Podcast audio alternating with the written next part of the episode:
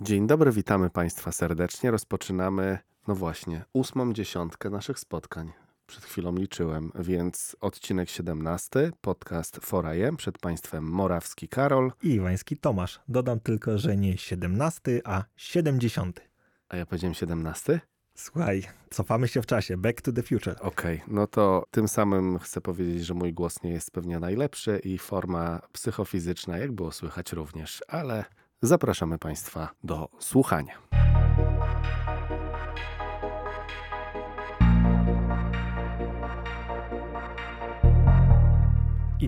Słuchajcie, ja będę się teraz powtarzał przy każdym odcinku, na początku i na końcu. Mamy formularz kontaktowy forajempodcast.com i tam na górze macie opcję kontaktu z nami, prosty formularz googlowy i tam możecie nam zadać pytanie do odcinka, zaproponować odcinek, tytuł odcinka, a jeżeli chcecie, żebyśmy was wymienili z imienia i nazwiska, też się możecie podpisać. No dobrze, i tym samym okazuje się, że. Mamy pierwsze pytanie. Od naszego wspólnego kolegi Jerzego Dąbrówki padło pytanie, czy AI nas zniszczy, czy to tylko histeria. Ja w pierwszej kolejności chciałem serdecznie podziękować Jurkowi za pytanie, bo to, to rzeczywiście miłe. Chwilę przed wejściem na słuchowisko dyskutowaliśmy na ten temat, co o tym myślimy. Zdaje się, że mamy dość odrębne stanowiska. Może tak, ja nie chciałbym powiedzieć, że na pewno nas zniszczy, bo nie. Niemniej jednak jest to na pewno zagrożenie i ja życzyłbym sobie tego i nam wszystkim i ludzkości, żebyśmy jednak w pewnym momencie inteligentnie podeszli do tematu i próbowali wykorzystać AI jako coś, co ma nam pomóc, jako ludzkości, jako gatunkowi ludzkiemu na planecie, a nie w drugą stronę. To ja powiem to, o czym mówiłem właśnie na OFie. Podobno radio miało zniszczyć książki, internet miał zniszczyć telewizję, a czy Skynet zniszczy nas? Uważam, że na obecnym etapie jest to mało prawdopodobne. To histeria, a w przypadku, kiedy ludzie mówią, że AI zabierze wam pracę, no to sytuacja jest taka jak z tymi imigrantami. Jeżeli imigrant bez języka i bez znajomości jest w stanie zabrać twoją pracę, no to zastanów się nad swoimi kwalifikacjami. No dobrze, ale to jakby wejdźmy dalej w tą dyskusję i tą twoją dywagację, no bo jakby nie było, gazety umierają. Może to nie do końca jest radio, ale wydaje mi się jednak, że internet bardzo mocno przyczynił się upadkowi wszelkich tytułów drukowanych. Ale powstają gazety internetowe. Okej, okay, ale no to, to, no to w ten sposób to tak możemy również patrzeć na wszelkie portale, które serwują nam coraz to nowe treści. Ale jako taka idea gazety w pewnym sensie zniknęła i wielu, wielu wydawców na przestrzeni ostatnich kilku lat jednak wstrzymało dalszą propagację czy produkcję tytułów na papierze. Są oczywiście wyjątki, są pięknie wydawane czasopisma, które są periodykami no raczej rzadszymi niż dziennik, tygodnik e, i tak dalej, ale mimo wszystko widzimy to po wielu zacnych wydawnictwach i chociażby powiedz mi Karol, czy ty jakbyś dostał ode mnie prośbę, poprosiłbym ciebie o to, żebyś poszedł do kiosku kupić gazetę, to wiedziałbyś, gdzie masz się udać? Do kiosku, zaznaczam, nie jakiegoś salonu prasowego, Relay, Empik, struty pierduty, tylko ja bym chciał taką gazetę z kiosku, takiego wiesz. No nie, bo nie ma kiosków. No właśnie. I czy to też nie jest trochę jakby pokłosiem tego wszystkiego, co się dzieje? No i teraz tylko słowem kończącym, czy to nie jest tak, że nie, że radio zabiło gazetę, tylko ten kolejny krok jest taki, że takie coś się wydarzy, czyli tym samym, co AI zabije radio albo telewizję na przykład? Może. Na pewno może zabrać pracę takim osobom, które zajmują się przetwarzaniem treści, czyli przepisywaniem ich na języki bądź mm, na potrzeby danej redakcji. I to rzeczywiście, jeżeli wrzucisz w jakikolwiek model językowy zapytanie zredaguj mi albo podsumuj, no to takie osoby nie mają racji bytu. Bo ja mówię tutaj o zabraniu pracy, a ty mówisz właśnie o zabiciu medium. Mhm.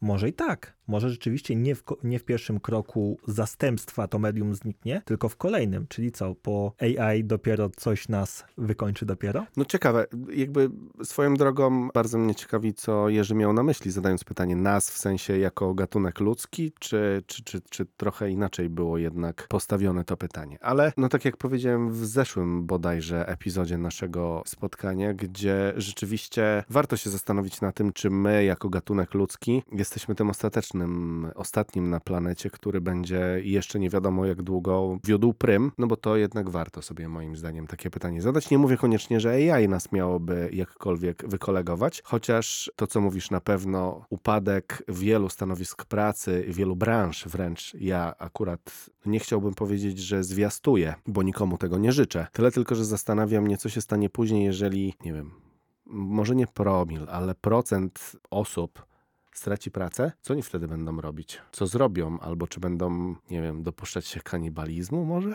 Nie wiem, czy to nie za daleka podróż, ale... Aż tak daleko chyba nie chciałbym wybiegać, ale co do bycia ostatnim gatunkiem i czy to AI nas wykończy, czy my sami, wróciłem do oglądania Apple TV Plus.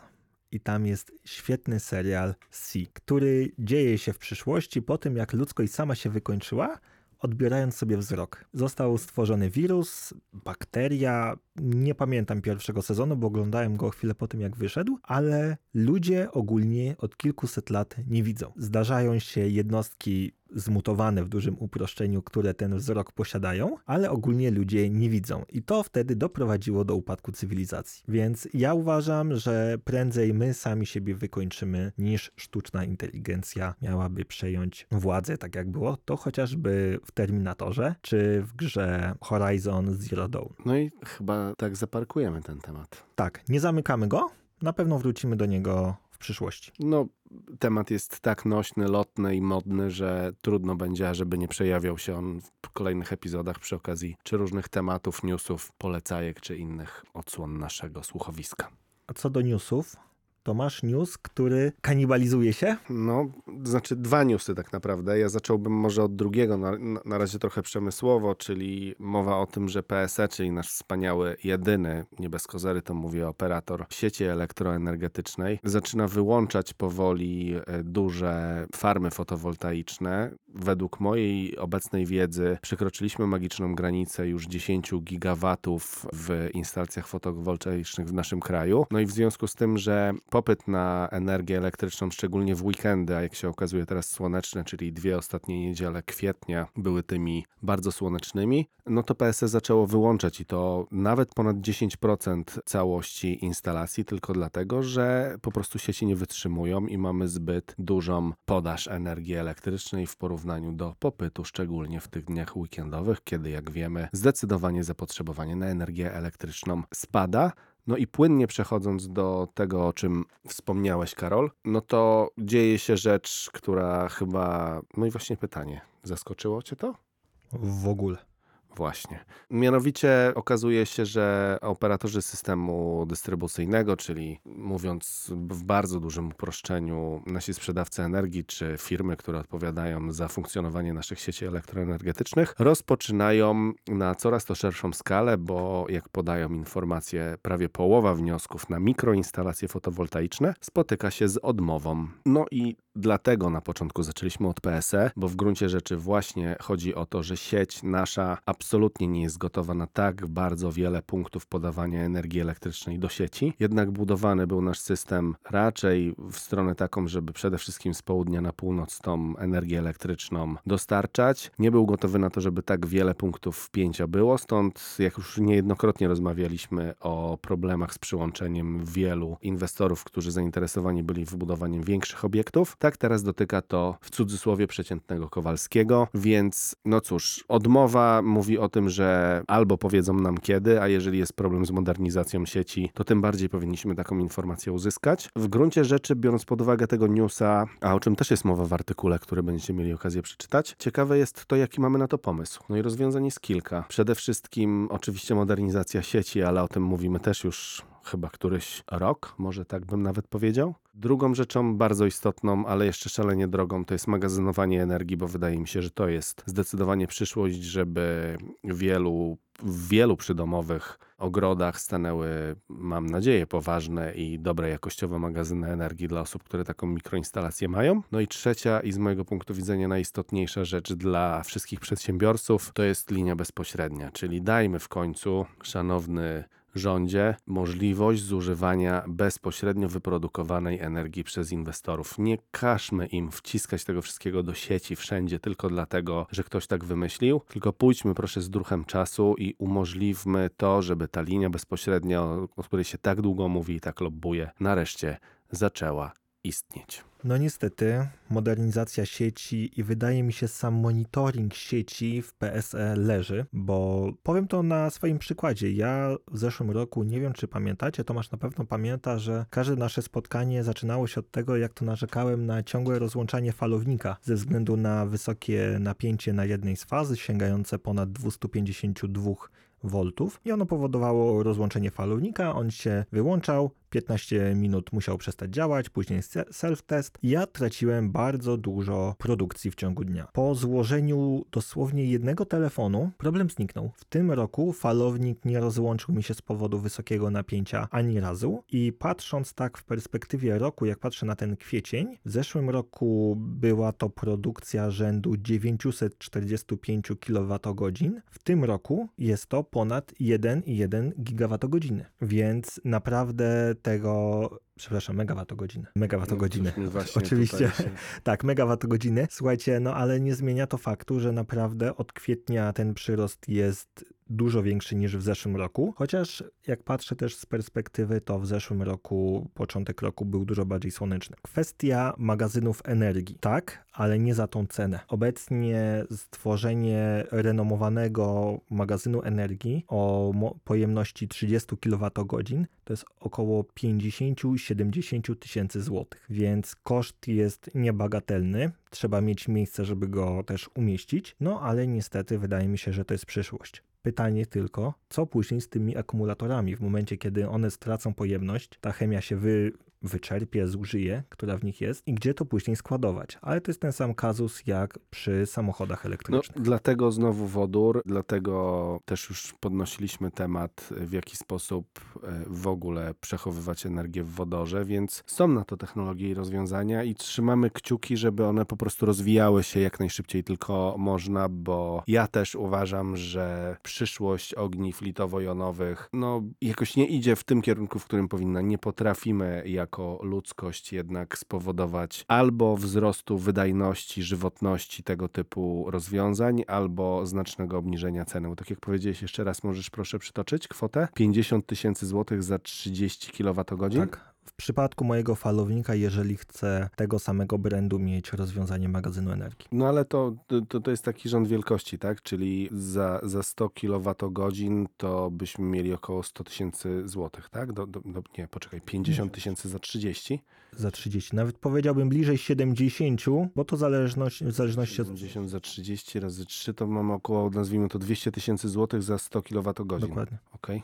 Cena jest zabójcza. Ja jak patrzyłem w zimę, gdzie działało ogrzewanie elektryczne, no to zużycie było na poziomie 48-60 kWh dziennie. Mniej więcej tyle, ile mam produkcji w szczycie przy mojej mocy wytwórczej 9, 99 kWp. Mhm. Okej. No cóż, miejmy nadzieję, że znajdzie się ktoś taki, kto wymyśli, w jaki sposób jeszcze efektywniej przechowywać energię. Ja mam kolejne dwa newsy. Chyba zacznę od tego drugiego, mianowicie bezpieczeństwo. W grudniu wraz z premierą systemu iOS 16.2 i chyba 13.2 Apple wystawiło usługę, udostępniło Rapid Security Response. Mianowicie jest to usługa w naszych systemach mobilnych i desktopowych, która pozwoli nam na szybsze instalowanie mniejszych aktualizacji, gdzie nie musimy na przykład instalować wersji 16.4.2, tylko mamy 16.4.1a, która łata jakąś małą lukę. I tak 1 maja pojawiła się taka aktualizacja. Zrobiłeś Tomasz? Zrobiłeś, Tomasz? Czyli pomidor. Kwestia jest taka, że to było pierwsze użycie tej usługi.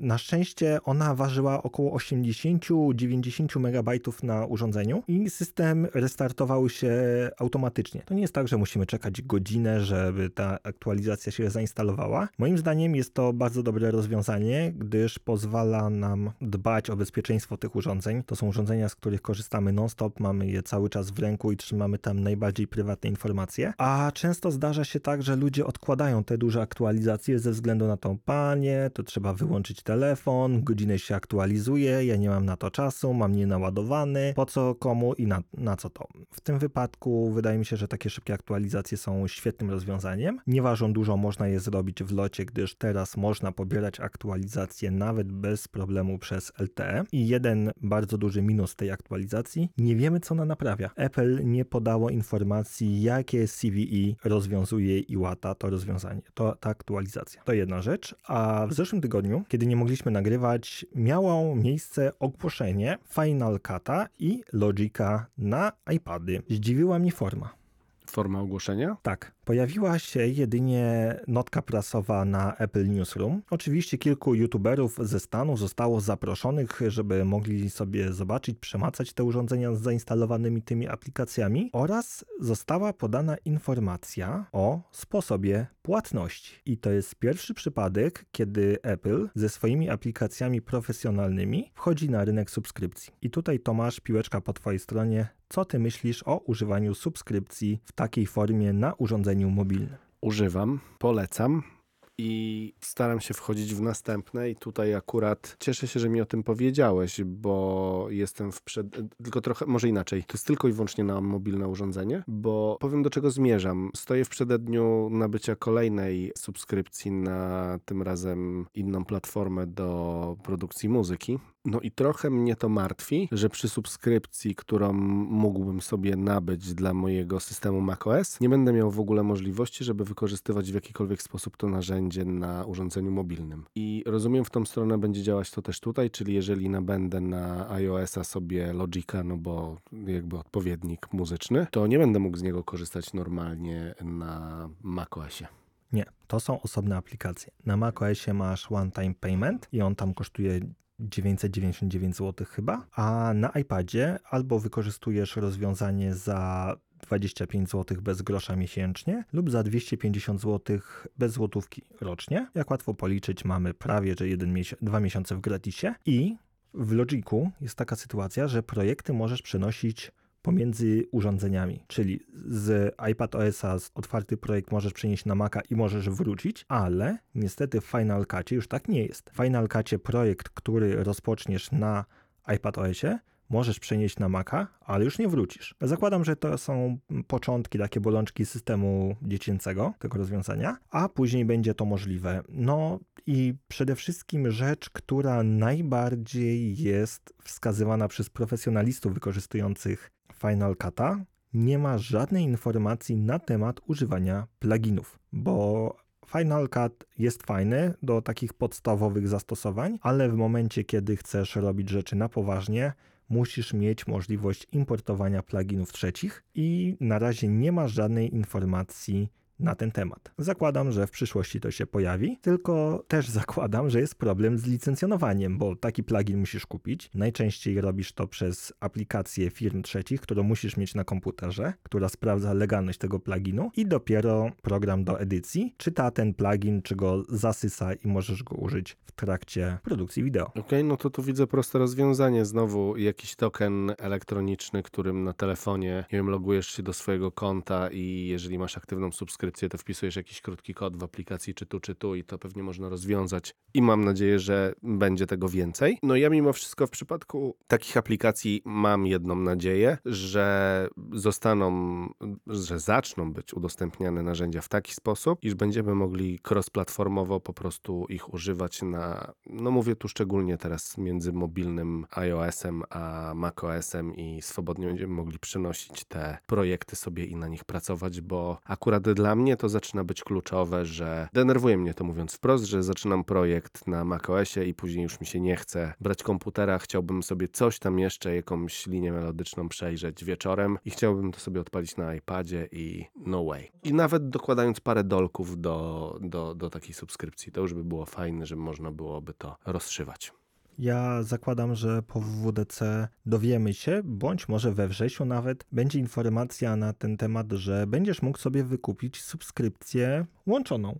Że płacisz na przykład powiedzmy 39,99 miesięcznie i wtedy masz dostępną aplikację na iPad OS-a oraz na Mac OS-a. Bo żeby być jasnym, to działa tylko na iPad OS-ie.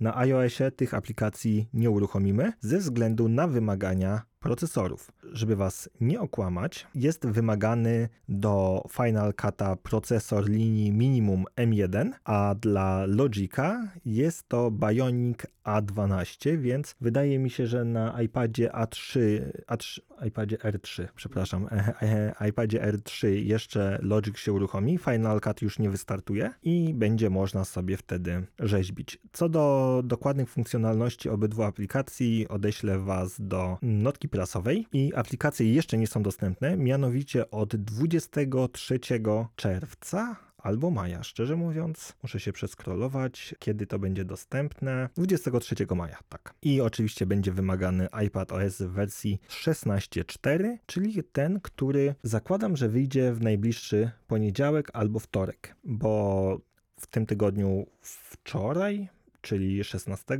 wyszedł release candidate i zakładam, że właśnie po tygodniu pojawi się nowa, dostępna wersja. No to cóż, trzymamy kciuki. Ja osobiście bardzo wierzę w to, że coraz większa ilość producentów zacznie iść w tą stronę, że jeżeli już, bo ja rozumiem one-offy, kupujesz na konkretną platformę, masz, jesteś, ok, ale jeżeli wchodzę w subskrypcję i decyduję się na to, żeby miesiąc w miesiąc jakąś tam kwotę wpłacać i rozumiem, że mam aktualną wersję w porządku, ale mimo wszystko liczyłbym na to, tak jak mówię, nie chcę tutaj być osobą, która chce oszczędzić i ja muszę to mieć w ramach subskrypcji cross-platformowo. Dajcie opcję paru dolarów więcej, czy jakiejkolwiek innej waluty, z prośbą umożliwienia po prostu narzędzia, żeby można było używać na różnych urządzeniach, oczywiście, czy iPadOSie, czy iOSie nawet, czy macOSie, czy jakkolwiek inaczej. Bardzo, bardzo poproszę. Zobaczymy, pozostaje nam czekać. No dobrze, i przechodzimy do jajek polecajek. Oczywiście. To ja mam zacząć, czy ty zaczynasz? To ja zacznę. Zrobimy na zmianę. Ja mam do polecenia film z 2021 roku, Free Guy. Jest to film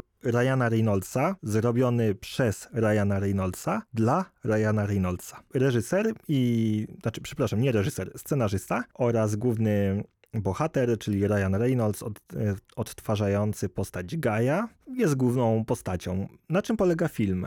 Jeżeli graliście kiedyś w Fortnite'a albo w GTA Online, możecie spojrzeć na tę produkcję z perspektywy NPC'a, który na przykład stoi za kasą, a wy w ramach misji podchodzicie i go okradacie. Więc film jest totalnie głupi jak żeby inaczej. Na IMDB ma ocenę 7.1, dałbym nawet 7,5. Bywa zabawny i widać, że jest to film, tak jak mówiłem na początku, zrobiony dla Ryana Reynoldsa. Widać, że gość świetnie się bawi w tym filmie, a poza tym ściągnął naprawdę bardzo wielu aktorów, których nie zobaczycie, bo są albo podkładają głos, albo są ucharakteryzowani, ale można poznać na przykład Taika Waititiego, który jest znanym reżyserem i chyba producentem też części filmów z MCU. Gra głównego antagonistę. Mamy Channinga Tatuma, ale jako głosy pojawiają się Hugh Jackman, Dwayne The Rock Johnson, a także nawet przez chwilę w jednej scenie pojawia się, kto się pojawia? Chris Evans, czyli znany z MCU jako Kapitan Ameryka. Dobrze, to jest komedia? Tak. Okej. Okay. Jest dostępna na Disneyu, e, na Disney Plusie i naprawdę można obejrzeć, pośmiać się i odmurzyć. No dobrze, to ja poproszę, żebyś polecił drugi film, bo moja polecajka jest zbiorem filmów, więc... Okej, okay, to ja przejdę na czymś, nad, czy, nad, nad czym byłem ostatnio w kinie, mianowicie Guardians of the Galaxy Volume 3. Jest to pożegnanie ze... Z całym chyba brandem Strażników Galaktyki, jaki znamy dotychczas. Co ja mogę powiedzieć? Najlepiej udźwiękowiony film Marvela. Bardzo dużo produkcji jest udźwiękowionych tak sobie w Marvelu, a tutaj przez to, że ta muzyka jest tak bardzo związana z głównym bohaterem, czyli Star-Lordem granym przez Chrisa Prata, który wywodzi się według fabuły z Ziemi i zna Ziemię chyba do lat 80. czy 90. I cała muzyka jest z tamtego okresu używana